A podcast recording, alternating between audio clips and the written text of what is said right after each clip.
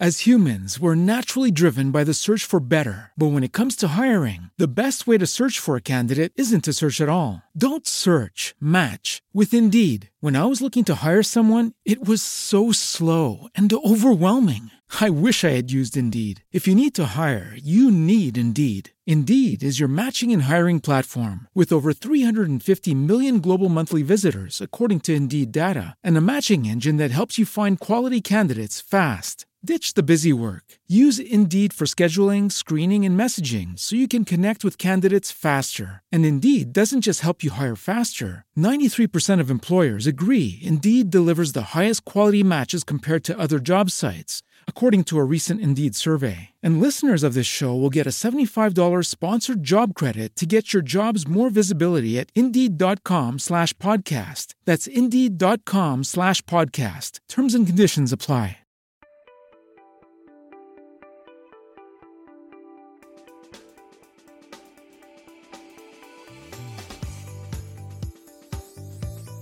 Witam Cię serdecznie w podcaście Swojski Język Polski.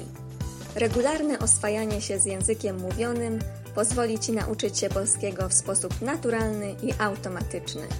Wkrótce sam będziesz mówił płynnie w języku polskim. Miłego słuchania!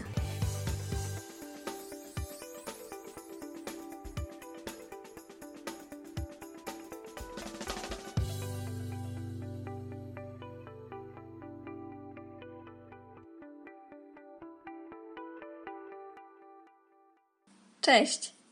Witam Cię w 23 odcinku podcastu. Mam nadzieję, że humor Ci dopisuje.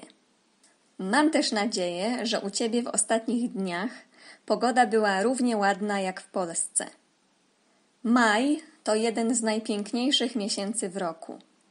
Drzewa się zielenią, kwiaty i krzewy kwitną. Powietrze jest ciepłe, ale nie jest tak duszno, jak potrafi być w lipcu czy w sierpniu. Od dzisiaj, czyli od 15 maja, został też w Polsce zniesiony obowiązek noszenia maseczek na świeżym powietrzu, z czego bardzo się cieszę. No i maj to czas egzaminów maturalnych, o których opowiadałam w poprzednim odcinku. W dzisiejszym odcinku natomiast chciałabym porozmawiać o stresie oraz sposobach radzenia sobie z nim. Do nagrania tego odcinka zainspirowała mnie książka, którą ostatnio przeczytałam. Książka nosi tytuł Stres sprawdzone sposoby na stres. Jej autorką jest znana polska podróżniczka Beata Pawlikowska, o której wspominałam już w odcinku o pozytywnych afirmacjach. W swojej książce Pawlikowska wyjaśnia, czym jest stres, jaką reakcję w ciele wywołuje stres oraz podaje aż 102 sposoby radzenia sobie ze stresem. Ja dzisiaj przypomnę Ci pokrótce, czym jest stres, jak zachowujemy się w sytuacjach stresowych oraz przytoczę moje ulubione sposoby radzenia sobie ze stresem. No więc stres to taki tryb awaryjny naszego organizmu. Pojawia się, kiedy nasz mózg zdecyduje, że jesteśmy w sytuacji zagrożenia – Nieważne, czy jedzie prosto na nas samochód i nasze życie jest naprawdę zagrożone, czy mamy po prostu trudny egzamin ustny lub przemówienie publiczne. Mózg często nie jest w stanie odróżnić tego, co realnie zagraża naszemu życiu lub zdrowiu, od tego, co zagraża jedynie naszemu samopoczuciu i samoocenie. W przypadku trudnego egzaminu lub publicznej przemowy nie ma mowy o zagrożeniu życia. Egzamin możemy oblać, nasze przemówienie może być wyśmiane lub skrytykowane, ale realnie nasze życie nie będzie zagrożone. Jeśli jednak odbieramy daną sytuację jako silnie nam zagrażającą, to mózg tak pokieruje naszymi funkcjami życiowymi, żebyśmy byli gotowi do walki lub ucieczki.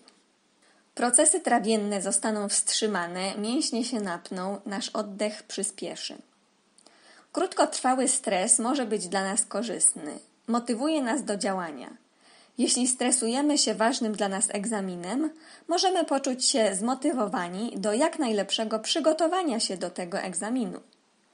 Uczciwie zorganizujemy sobie powtórkę materiału i dzięki temu zdamy egzamin z dobrym wynikiem.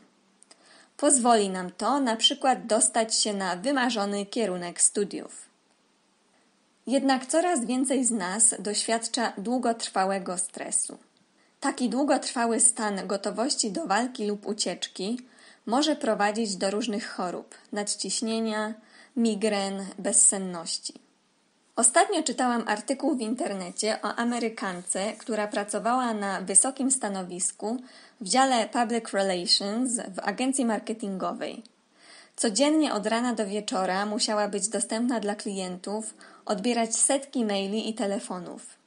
Ze względu na ciągłe spięcie mięśni, kobieta cierpiała na częste migreny. Pewnego dnia, gdy wracała z pracy samochodem, Miała już tak silny ból głowy, że nie była w stanie dłużej prowadzić auta. Co więcej, nie była w stanie nawet normalnie mówić. Napadły ją też mdłości. Trafiła do szpitala. Dopiero tak ekstremalne wydarzenie skłoniło ją do refleksji. Zrozumiała, że źródłem jej problemów zdrowotnych jest stres.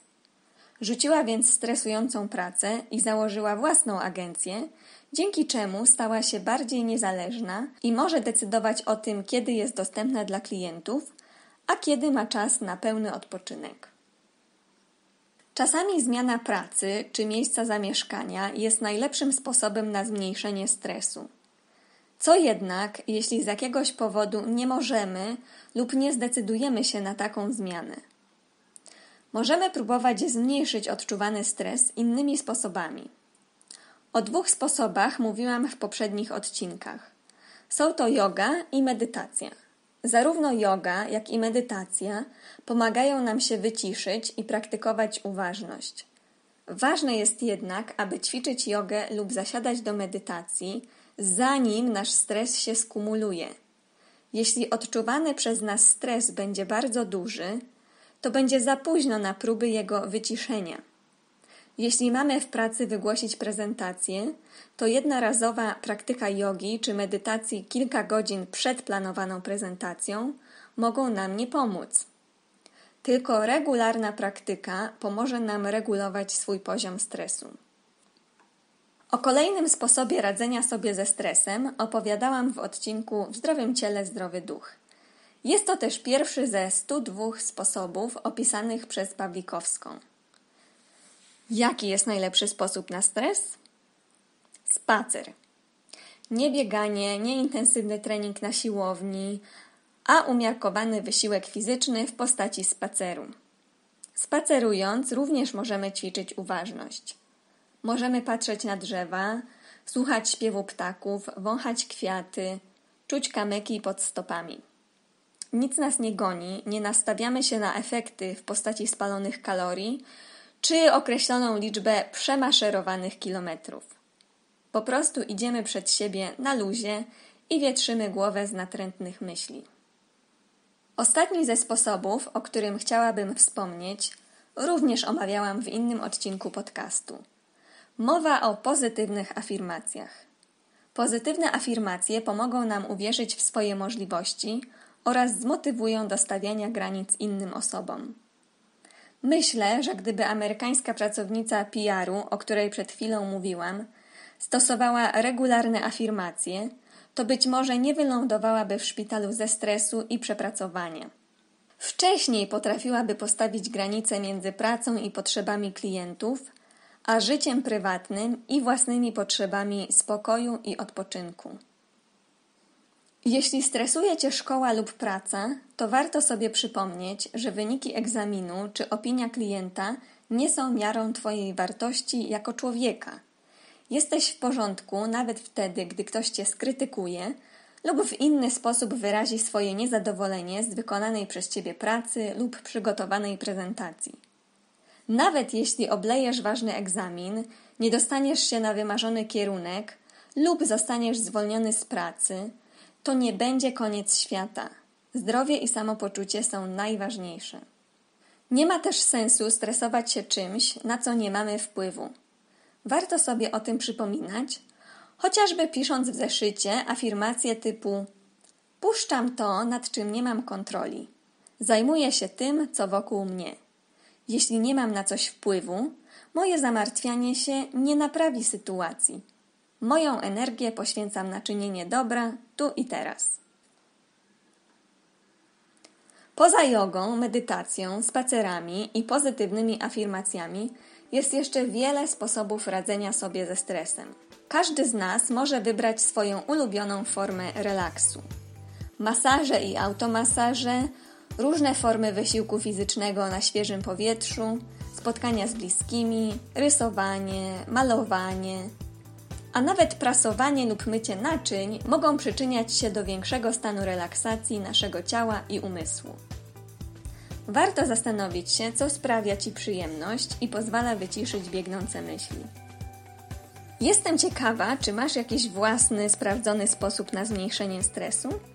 Daj znać w komentarzu na swojskijęzykpolski.com lub na Facebooku lub Instagramie. Nie zapomnij też o subskrypcji kanału na YouTube. To wszystko na dziś. Trzymaj się ciepło i do usłyszenia.